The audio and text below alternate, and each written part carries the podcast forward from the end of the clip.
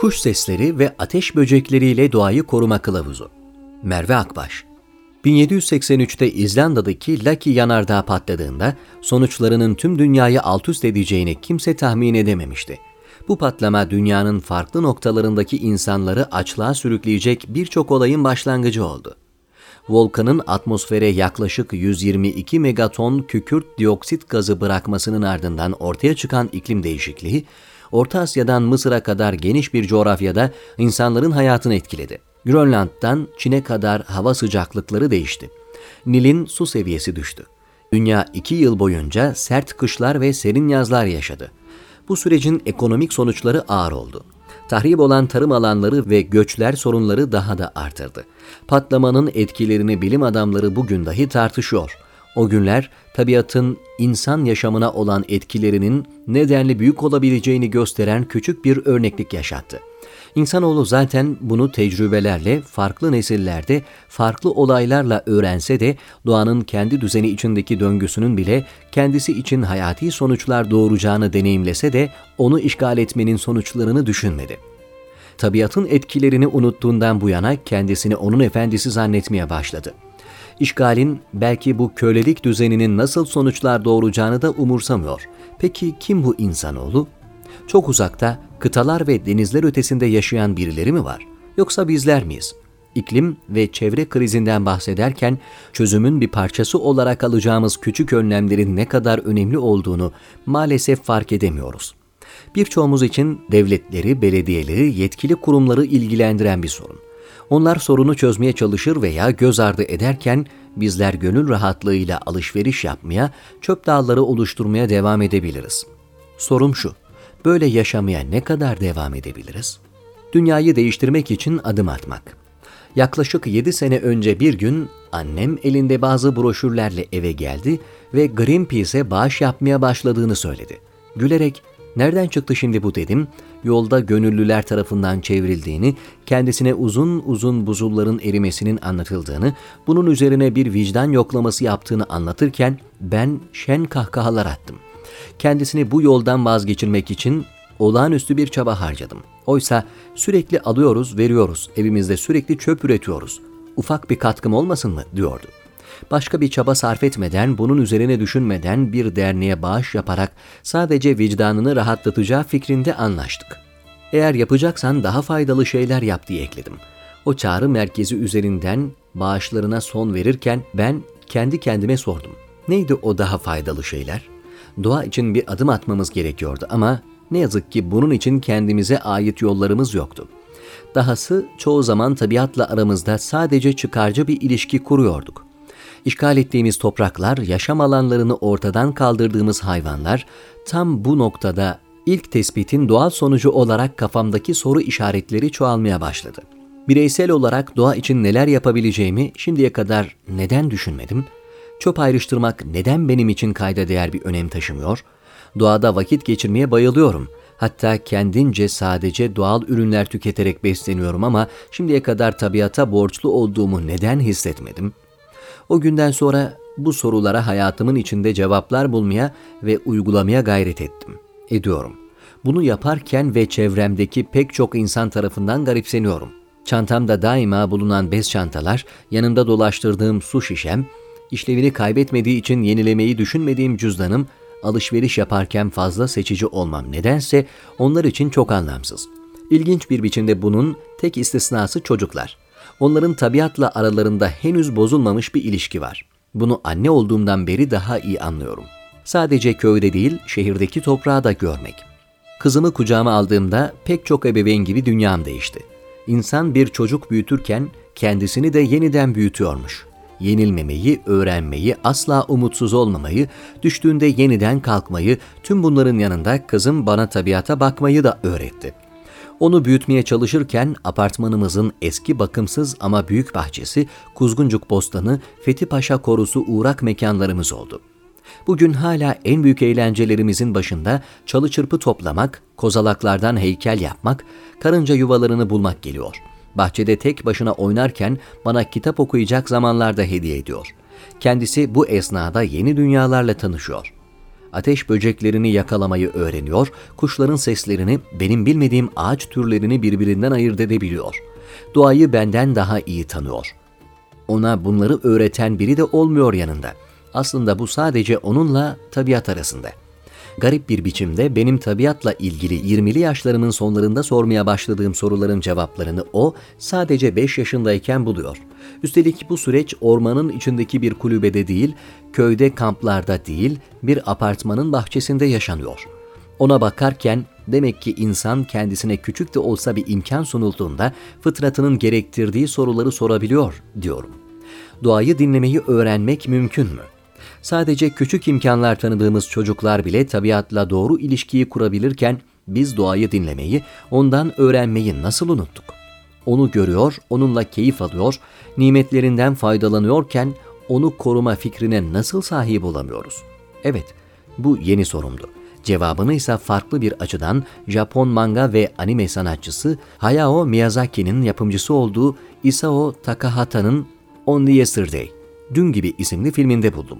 Filmde başroldeki karakter şehirden kırsala kaçmışken arkadaşı ona kır yaşamını şu sözlerle anlatıyordu. Şehirliler ağaç ve nehirleri görüp doğaya şükranlarını sunarlar. Ama burada bir köyde gördüğün her şey aslında insan eliyle yapılmıştır. Sırf tarla ve çeltikler değil, her şeyin ayrı bir geçmişi vardır.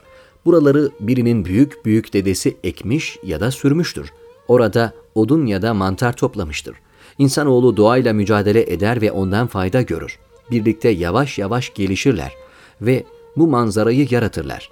Çiftçiler doğa olmadan var olamazlar. O toplum o yüzden hep doğaya iyi bakıp korumak için çaba harcarlar. İnsanla doğanın işbirliği kır yaşamının özü budur. Evet, birçoğumuz artık kır yaşamı sürmüyoruz ve şehirlerden kırlara baktığımızda doğanın mucizevi olduğunu düşünmekle yetiniyoruz.'' Mucizenin devamı bizim şehirlerimize de, kırlarımıza da saygı göstermemize bağlı. Belki şehirlerde kır parçalarını misafir edebilirsek, küçük bahçelerimiz, saksılardan biraz büyük topraklarımız olmasını sağlarsak, en önemlisi bunu tercih edersek, çözüm belki de boş zamanlarımızda AVM'lere değil, doğa gezilerine gitmek kadar basit. Tabiatı tanımadan onunla bir ilişki kurmanız da mümkün olmuyor. Bu kağıt üzerinde veya bağışlarla da gerçekleşmiyor.'' Parklarda başımızı gökyüzüne kaldırıp kuşların sesini ayırt etmeye çalışmak için çaba sarf etmemiz gerekiyor. Çünkü sevdiğimizi gerçekten tanımadığımızda ona zarar verme ihtimalimiz artıyor. Bana kalırsa bunun trajikomik hallerinden birini en iyi yine ebeveynler deneyimliyor. Atık malzemelerden oyuncak yapmaya çalışırken. Çöp için çöp çıkardık. Bugün çocuklara yönelik hemen her yayında atık malzemelerden yapılan oyuncaklara önemli bir yer ayrılıyor. Çocuklara geri dönüşüm bilinci kazandırmayı amaçlayan bu öneriler hayli heyecan verici. Biraz ip, bir parça kumaş, birkaç iğne, bir malzemenin başka bir nesneye dönüştürülmesine yetiyor. Nasıl olur da bir parça kağıt, sünger ve birkaç düğmeyle bir robota dönüşebilir? Dönüşür elbet ama bunun gerçek bir dönüşüm olması için almak yerine değerlendirmek gerekiyor. Çocuklarsa bu ve benzeri projeleri yapmak için bir malzemenin işlevini kaybetmiş ve dönüşüm için ayrılmış olmasını tabii ki bilmiyor. Her seferinde kırtasiyeye gidip çeşit çeşit kağıt, karton, boncuk alınıyor veya evdeki peçete, kumaş, alüminyum folyo gibi malzemeler boşa harcanıyor. Bir süre önce kız kardeşim de oğluyla beraber okul için atık malzemelerden yaptıkları robotu oyun bittikten sonra önce balkona sonra çöpe attıklarını anlatmıştı. Bu bir süre sonra masum ama rahatsız edici bir alışkanlığa dönüşüyor. Önce atık malzemeler yerine mağazadan yenilerini alıyorsunuz, üretiyorsunuz, en sonunda da çöpe atıyorsunuz. Bunun adı çöp için çöp çıkarmak olmalı. Büyük fabrikaların, mağazaların, alışverişlerin çöplerinden çok daha masum olduğu ortada. Ama ekoloji meselesine bakış açımızı ortaya koyduğunu da yatsımamalı. Tüm bu sorulara, sorunlara apartmanımızın arka bahçesindeki çimenleri oturmuş, kızım cılız ağaçlara tırmanmaya çalışırken yenilerini ekliyorum. Hafızam bana çocukluğumun öykülerini hatırlatıyor. Gerçek geri dönüşümü, babamı, babaannemi ve ikisinin maceralarını. Babam babaannemin kumaş parçalarından yaptığı toplarla oynayarak büyüdüğünü anlatırdı.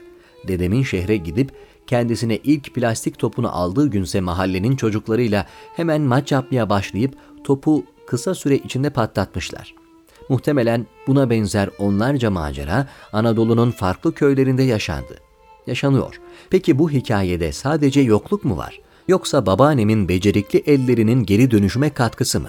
O güzel köylerin, kasabaların, kırsalın çocukları plastik toplara sahip değillerdi ama pek çok meyveyi bahçelerindeki ağaçlara tırmanarak yemek onların şansları oluyordu.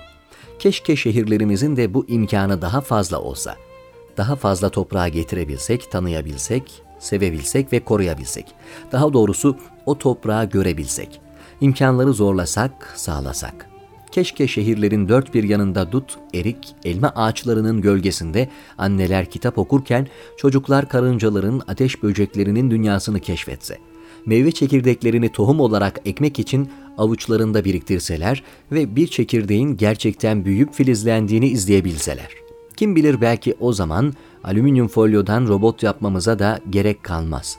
Kozalaklar, dal parçaları, taşlar ve ağaç kabuklarıyla onlar zaten kendi oyunlarını kurarlar. Kim bilir belki biz de onlara bakarak tabiatı gerçekten tanımaya başlar, onu korumayı öğreniriz. Yeryüzünün bize mescit kılındığını hatırlarız. Çünkü bu olmadığında karşılaştığımız sorunların çoğalacağını bugün yaşadığımız COVID-19 salgınıyla deneyimlemeye başladık bile. Ekosistemlerin bozulması ve salgınlar. Lucky yanardağ patlamasından ve yeryüzünden yaşadığı nice felaketten yüzlerce yıl sonra kapımızı Covid-19 salgını çaldı. Kabul ediyorum. Hepsi birbirinden çok farklı. Ama bazı uzmanlar hayvandan insana geçen bu virüsün yaygınlaşmasına iklim tahribatının neden olduğunu da savunuyor. Peki bu nasıl olabilir? Yere attığımız çöp, inşa ettiğimiz bina, gereksiz alışverişlerimiz bir salgın tetiklemiş olabilir mi? Evet olabilir. İnsanların ekosistemler ve biyoçeşitlilik üzerindeki etkileriyle bazı hastalıkların yayılması arasındaki bağlantılara cevap arayan Dünya Doğayı Koruma Vakfı'nın yeni yayımladığı raporu bu konuda ayrıntılı bilgiler sunuyor.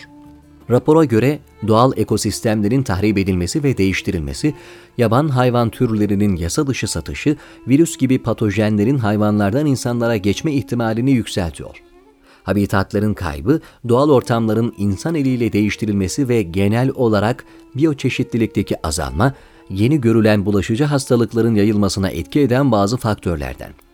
Avcı türlerin yok oluşu, sivrisineklerin böcek ilaçlarına direnç geliştirmesi, antibiyotik direnci olan bakterilerin ortaya çıkması gibi.